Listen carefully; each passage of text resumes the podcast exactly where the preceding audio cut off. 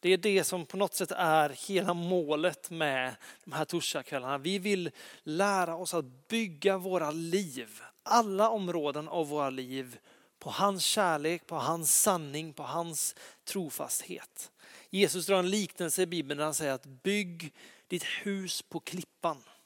För oavsett vilken storm som kommer så kommer det att hålla.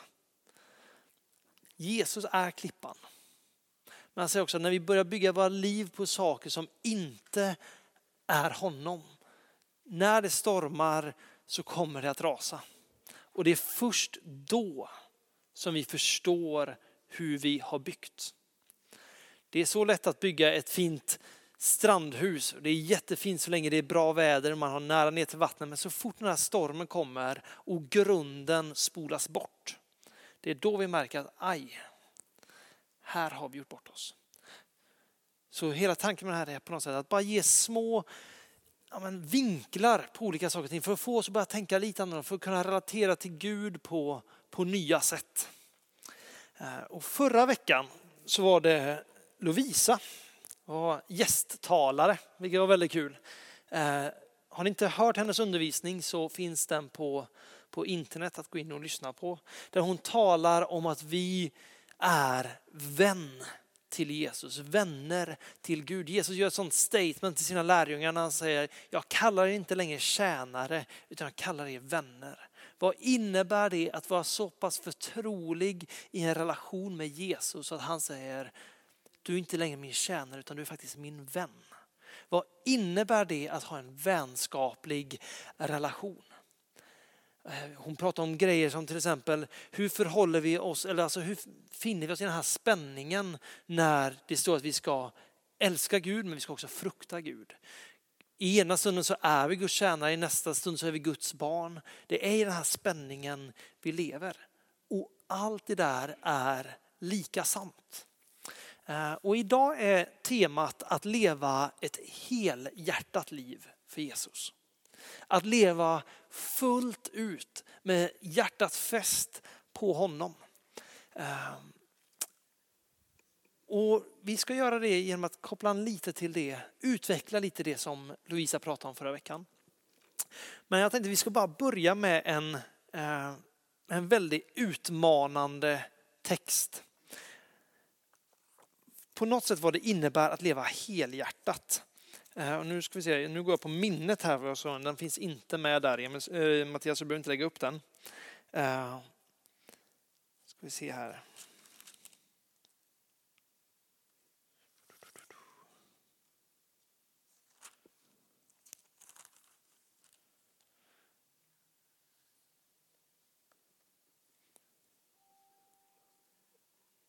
Okej, okay, jag hittar inte den här nu, men Andrew kan ge det rätt bibeltext senare. Men det, det är Johannes uppenbarelseboken och det är ett brev till en av församlingarna. När, när Jesus säger till den här församlingen att jag önskar att ni antingen var kalla eller varma. Vad som helst, bara ni väljer antingen kallt eller varmt. Men om ni är ljumna så är det som att jag vill ta er i min mun och spotta ut er. Vad innebär det att leva helhjärtat? Det innebär på något sätt att allt jag är ger jag till honom. Det är inte en fot i ena båten och en i den andra och se, vi ser hur långt det här håller. Utan leva helhjärtat innebär att jag är all in. Men det som lätt blir jobbigt när vi pratar om sånt här, det är att vi får fel bild när vi pratar om att vara helhjärtad. Vi tänker att vara helhjärtad, eller att älska Gud av hela våra hjärtan, det innebär att jag alltid till 110 procent är våldsamt passionerad förälskad i Jesus. Och där kan det bli svårt. Där kan det bli jobbigt, för där blir det helt plötsligt, hur gör jag det här varje dag i mitt liv? Hur håller jag mig ständigt sådär exploderande kär i Jesus. Och idag ska vi se på en liknelse på något sätt som, som ges i Bibeln. Som jag tror hjälper oss att förstå hur vi ska förhålla oss.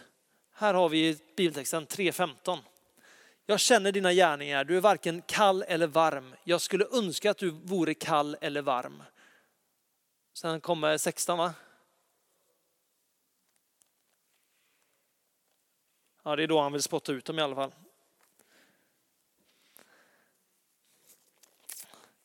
Okej, okay. men eftersom att du är ljum och varken varm eller kall ska jag spy ut dig ur min mun. Det är ganska hårda ord.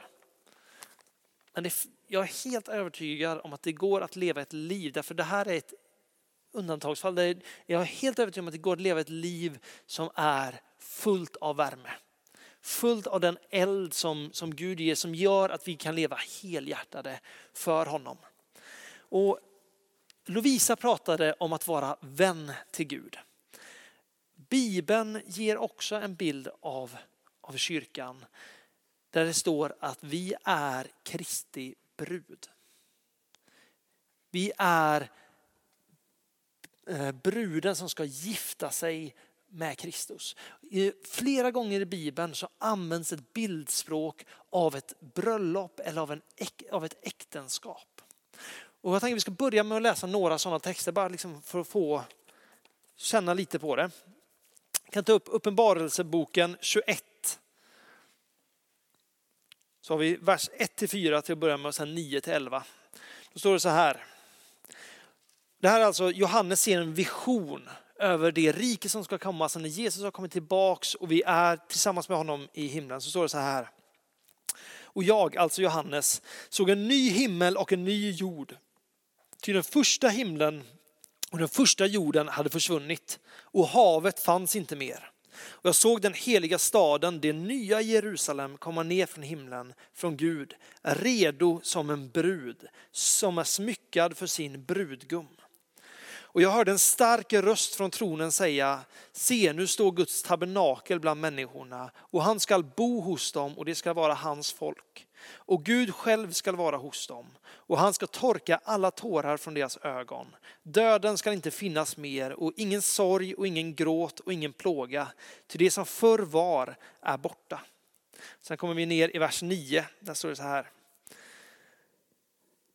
En av de sju änglarna med de sju skålarna som var fyllda med de sju sista plågorna kom och talade till mig och sa Kom, jag ska visa dig bruden, lammets hustru. Och han förde mig i anden upp ett stort och högt berg och visade mig den heliga staden Jerusalem som kom ner från himlen från Gud och som ägde Guds härlighet. Dess strålglans var som den dyrbaraste ädelsten som en kristallklar jaspis. Och det beskrivs sen hur den här staden, det beskrivs hur över varje port så står det ett namn av Israels tolv stammar eller de tolv apostlarna som på något sätt uttalar alltså helheten, eller helheten av Guds folk. Guds folk är den här hustrun som kommer smyckad, renad från all synd, från all skräp, alla plågor kommer vi renade fram för att möta med Jesus. Som i ett äktenskap. I andra Korintierbrevet 11, 1-2 så säger Paulus så här om församlingen. Om ni ändå kunde stå ut med lite dårskap från min sida. Ja, visst står ni ut med mig eftersom jag brinner av iver för er med den eld som kommer från Gud. Så står det så här. Jag har trolovat er med en enda man för att föra fram en ren jungfru inför Kristus. Paulus talar om, om församlingen. Hans mål, det han har gjort med den här församlingen i Korint, är att han har förberett dem för att komma fram som en jungfru som ska vigas tillsammans med brudgummen. I, genom hela bibeln så möter vi ett ord som heter förbund. Vi brukar tala om gamla testamentet eller nya testamentet. Vi kan också tala om gamla förbundet och nya förbundet. Förbundet i Bibeln, eller ett förbund, det är det starkaste kontrakt som kan ingås mellan två parter. Det finns en berättelse om hur Abraham ingår ett förbund med Gud.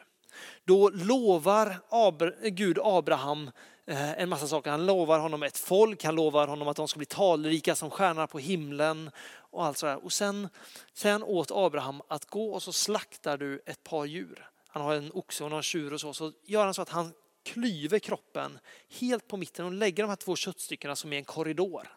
Och sen när Abraham börjar bli trött så kommer ett ljus ner. Alltså Guds härlighet i form av en eld och går mellan de här köttstyckena.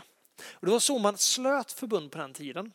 Det innebar att om jag och Roger skulle sluta ett förbund om att Roger ska dela ut mängder med korv varje torsdag. Och så ska vi göra det här, sluta det här förbundet. Då slaktade man två djur, la upp de här sidorna och sen får den som lovar någonting få gå mellan de här köttstyckena och säga att om jag inte håller min del av avtalet så kommer det gå med mig på samma sätt som det har gjort med de här djuren. Det är ett ganska kraftigt förbund. Och nu är det Gud själv som säger det här. Abraham har inte begärt någonting utan Gud lovar honom och säger att om inte det här kommer uppfyllas så skulle det här hända mig. Så säker är Gud på att det han har lovat kommer ske. Det är på något sätt alltså, tyngden av ett förbund i Bibeln. Och Gud sluter ett förbund med Israels folk. De blir hans utvalda folk och han lovar att så länge ni tjänar mig så kommer jag att välsigna er. Jag kommer beskydda er, jag kommer verka ibland er och folk kommer att se mig när han ser på er. Och det är utifrån det här som lagen sen kommer för att de ska kunna förmå på något sätt att leva i det här förbundet. Sen kommer Jesus och upprättar ett nytt förbund. Där han går in i ett förbund med Gud och säger att alla som kommer till mig på grund utav mitt offer, de som kommer och de som bekänner mig som Herre, de kommer att bli friare, de kommer att bli renare eftersom att jag redan har betalat priset. Eftersom att jag har offrats så står de nu fria. Samma kraft finns det i det här förbundet. Så länge vi finns i Kristus, så länge vi dras till honom, så länge vi bekänner vår synd så är vi fri i honom. Och så ser vi i Bibeln äktenskapet. Där, redan där, ah, från första början. Man och hustru, ett förbund. Och Jesus talar om de här förbunden, eh, eller om, om äktenskap. Eh, vi kan gå till Matteus 19, 3-6. Det står så här. Några fariseer kom fram till honom för att pröva honom och sa, får man skilja sig från sin hustru av vilken orsak som helst?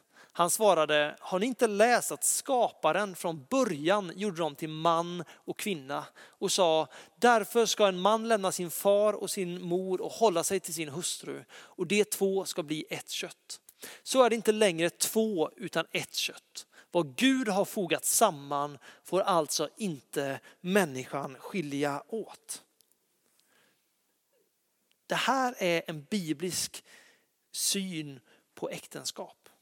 När man lovar in i kyrkan, inför Gud och inför vittnena som är där att jag ska älska dig, jag ska vara trogen dig till sin hustru.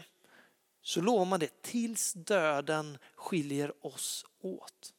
Man går in i ett förbund där Jesus själv säger att ingen har rätt att bryta det här förbundet eftersom att Gud själv har fogat dem samman. Och Det är lite intressant för jag var inne och googlade på, på de här löftena som man ger och så kom jag in på Svenska kyrkans sida. Och då skulle man, säger man ungefär så här. Eh, svarar kanske den första personen då. Jag, eh, Claes-Göran Engelbrekt, tar dig, Andrew Thompson, till min hustru. Att älska dig, dela glädje och sorg med dig och vara dig trogen tills döden skiljer oss åt. Och som ett tecken på vår kärlek vill jag ge dig denna ring. Och så får man en ring som man sätter på fingret. Och den här ringen är oftast inget speciellt med egentligen, utan det är en vanlig guldring eller silverring eller liknande med lite inskriptioner i. Men den här ringens hela symbolik bygger på att när jag ser ner på min ring, nu har inte jag någon ring för jag är inte gift, men om jag hade haft en ring så handlar det om att jag ser ner på den och varje gång jag ser den så ska jag påminnas om mitt trohetslöfte till min fru. Det är en ständig påminnelse om att jag har lovat att i glädje och sorg, i nöd och lust tills döden skiljer oss åt, så ska jag vara trogen. Och lite intressant, för jag började fundera på så här, vad finns det då mer för symbolik i, i det här med ring? Och det är så här, går man tillbaks till antikens Egypten så valde man att sätta eh, ringen på vänsterhanden. Därför att man trodde att det fanns en ven där som gick hela vägen upp till hjärtat. Som då skulle visa att det, detta löfte, mitt trohetslöfte är djupt förknippat med mitt hjärta. Senare i, i västvärlden så har det kommit en tradition av att man har det på högerhanden, vilket vi inte har i Sverige. Av den anledningen att det är med högerhanden som man skakar hand när man ingår i ett avtal. Det finns någonting i den här ringen, i de här löftena som är så stora. Eh, det är inte konstigt att människor får kalla fötter precis innan äktenskapet. Jag har varit med ett par vänner som, som har gift sig som har varit så här kolugna hela vägen fram till bröllopet och sen så här morgonen när man ska gifta sig så får man lite panik. Därför att man, man älskar den andra personen men helt plötsligt så slår allvaret till och man inser att jag lovar den här personen hela mitt liv, hela min framtid tills döden skiljer oss åt. Helt plötsligt är det som att de här löftena, eller det man håller på att göra, det slår en. Eh, jag hade en mentor tidigare som alltid brukade berätta den här historien, att det var vid ett, ett tillfälle när han skulle viga två stycken. Och de står ute i så här vapenhuset så här, precis innan dörrarna skulle öppnas och de skulle tåga in. När han kollar på bruden och brudgummen och frågar, är ni redo? För nu händer det. Och mannen får lite panik, går utanför, ställer sig på trappan, klunkar en halv flaska champagne, går in och säger, nu är jag redo, nu kör vi. Därför att på något sätt så tar stundens allvar tag i, man inser vad det är man kommer att lova. Den här bilden av äktenskap är det som ges mellan oss och Jesus. Det han vill ha av oss, det som står att är det viktigaste budet, det är att vi ska älska Gud av hela våra hjärtan, av hela vår kraft, av hela vårt förstånd så ska vi älska honom. Och jag kan ibland bli så här, men gör jag det? Gör jag det fullt ut? Är inte jag ibland lite mer ljummen? Och vi läser tidigare om vad Bibeln säger om det. Men jag tror det är så här. Nu är inte jag gift så jag får tala utifrån vad jag tror är sant. Ni som är gifta får rätta mig om jag har fel. Men jag tror att det är så här att som gift man så vaknar man inte varje morgon 365 dagar om året och bara sprudlar av en bubblande kärlekseufori till sin fru. Jag kan tänka mig att man ibland vaknar och bara tänker kaffe, kaffe, kaffe. Det, eller att man har det här, man, man har bråkat, man är sur på varandra. Det betyder inte att man inte längre älskar personen. Men den här fullkomliga kärleksövertygelsen på något sätt kanske inte alltid är där till hundra procent. Men på grund av den här ringen som sitter på fingret, på grund av löftet man har gett om att min framtid är din framtid, mitt liv är ditt liv. Det vi gör, det vi möter, vi går framåt tillsammans. På grund av det löftet, på grund av den symboliken med ringen som man ser varje gång man kollar ner på sin hand. Så vet man att jag ska älska min fru. Jag ska tjäna min fru, jag ska få min fru lycklig, jag ska göra allt jag kan för att vara en välsignelse för henne. Kärlek är så mycket större än en känsla. Känslor kommer och går, känslor ljuger. Jag kan gå ena stunden från att vara glad på hugget och sen slår min hunger in och så blir jag grinig, deppig och nere. Roger känner igen sig, det ser jag på honom här. Kärlek är ett beslut. Kärlek är ett löfte om att jag ska älska. Och på samma sätt så tror jag det är i vår relation till Gud. För när vi tar emot Jesus, tänk bara nu på den här symboliken. När man gifter sig, du går ner i mittgången inför en mängd människor som står dig nära. Du går upp inför dem, inför Gud, inför människorna och så lovar du, lovar du varandra trohet. När du döps så kommer du in inför hela församlingen du lovar att du ska följa Jesus, att du ska känna honom. Du säger Jesus är Herre i mitt liv och jag vill tjäna honom. Och sen går man ner i vattnet och man kommer upp som en ny människa. När vi tar emot Jesus så är inte det att säga, ja, men när jag är på humör, då är jag med. Det handlar inte om att säga, ja, men när, när du ger mig det jag vill ha, då är jag med. Utan vi ingår ett förbund med honom. Precis lika mycket som vi vill ha förbundet med Jesus när han säger att alla som blir funna i mig, de står fria, de, de ska jag rena. De ska jag klä med härlighet i himmelen. Det är det förbundet vi går in i där vi lovar våra liv till honom. Och det innebär att det är okej okay att inte alltid ha en tipptopp dag med Gud. Det innebär att det är okej okay att vara frustrerad på Gud. Det innebär att det till och med är okej okay att ta en sko och kasta upp mot himlen för om man är sur på Gud. Så länge våra hjärtan hela tiden är överlåtna till att Jesus, jag har gett dig mitt liv.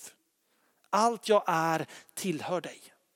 Men i en relation, vare sig det är din fru eller det är din bästa vän, så är det okej okay att inte alltid bubbla av kärlek eller glädje. Men de stunderna när vi inte har det får aldrig påverka vårt löfte. Vi har lovat att vi ska tjäna honom. Vi har lovat att vi ska följa honom. Vi har lovat att vi ska ära honom för att han är värd ära.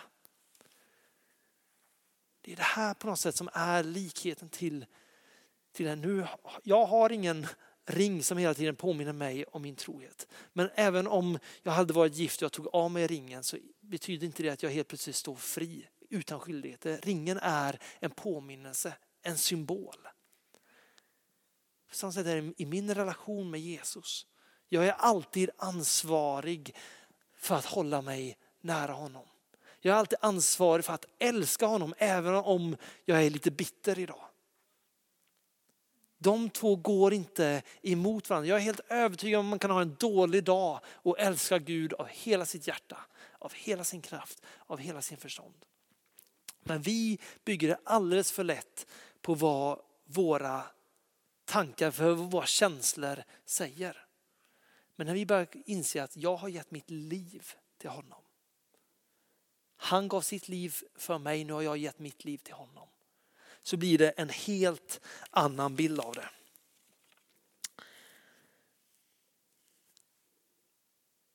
Gud är intresserad av att ha allt av oss. Han vill inte bara ha en liten del. Och det fantastiska med detta är att han lovar i Jeremia 29.13.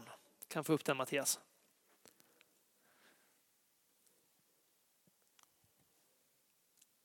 Jeremia 29.13.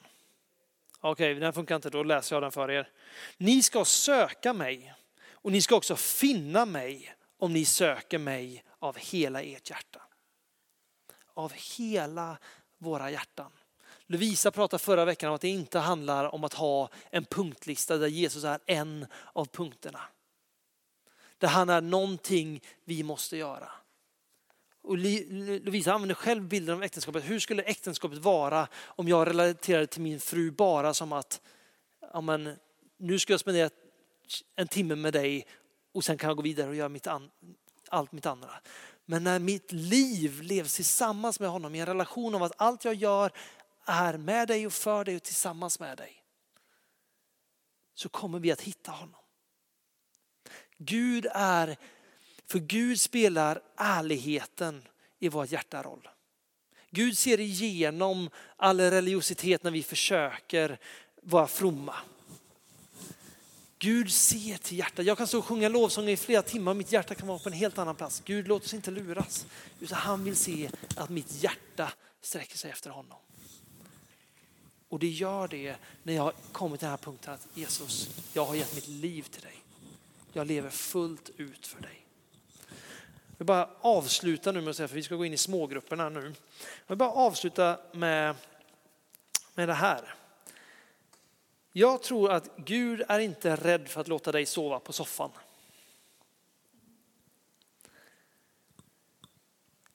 När vi väljer att dra oss bort från Gud, när vi väljer att göra saker som går emot Guds vilja, så har Gud inga problem med att säga okej, okay, gör det. Men när, du, då får du hålla dig en bit ifrån mig. Men det står så här i Saltaren 103. Barmhärtig och nådig är Herren, sen till vrede och rik på kärlek. Han går inte ständigt till rätta med oss. Hans vrede varar inte för evigt. Han handlar inte mot oss som, som, så som vi eh, har förtjänat. Han ger oss inte våra synders lön, ty så hög som himlen välver sig över jorden, så väldig är hans nåd över dem som fruktar honom. Så långt som öster är från väster, så långt från oss förvisar han vår synd. Som en far visar ömhet mot barna, så visar Herren ömhet mot dem som fruktar honom. Ty han vet hur vi är skapade, han minns att vi är mull. Gud är inte sen till vrede. Men när vi vänder oss bort ifrån honom, då är det svårt att komma nära. Han står och väntar, han säger när du, när du omvänder dig, när du vill komma tillbaka in i relationen, jag är här. Men du kan inte ha en fot i varje båt. Antingen ligger du på soffan eller så ligger du i sovrummet. Antingen är du nära mig eller så går du ifrån mig. Det enda du behöver göra är att vända om och säga Gud förlåt mig, jag vill komma tillbaks in i din närhet. Då finns det alltid upprättelse, det finns alltid, ja, men det finns alltid tröst, det finns alltid nåd hos Gud. Men allting är inte okej okay hos Gud. Precis som det är i ett äktenskap. När jag kör min egen agenda, agenda när jag kör mitt eget race, då blir det brister i relationen. Och då kan det bli att okay, det blir lite avstånd. Men om jag värnar om den här relationen, om jag vill hålla mig nära Jesus, då handlar det om att faktiskt komma Jesus förlåt. Förlåt mig för att jag körde mitt eget race. Förlåt mig för att jag valde att gå åt andra hållet. Och då öppnas dörren. Därför han är sen till vrede, han är stor i nåd. Han vill ha intimitet av oss. Han är inte rädda för vår ärlighet. Han uppskattar vår ärlighet. För det är när vi börjar bli ärliga med Gud som vi tillsammans med honom kan gå framåt. Det är då vi kan börja ta, del, ta tag i problemen. Men att leva helhjärtat för Gud, det tror jag till stor del innebär att okay, jag är en dålig dam, men jag är Gud, jag tillhör dig ändå. Jag ska tjäna dig ändå, jag ska lyda dig ändå. Kanske inte vill det, jag kanske är skitsur just nu men jag tänker göra det därför jag har gett dig mitt liv. Jag tillhör dig. Och en dag kommer vi komma i härlighet inför hans tron. Rena, fläckfria, utan tårar, utan sår. Fullständigt rena. Men äktenskapet har redan börjat. Amen.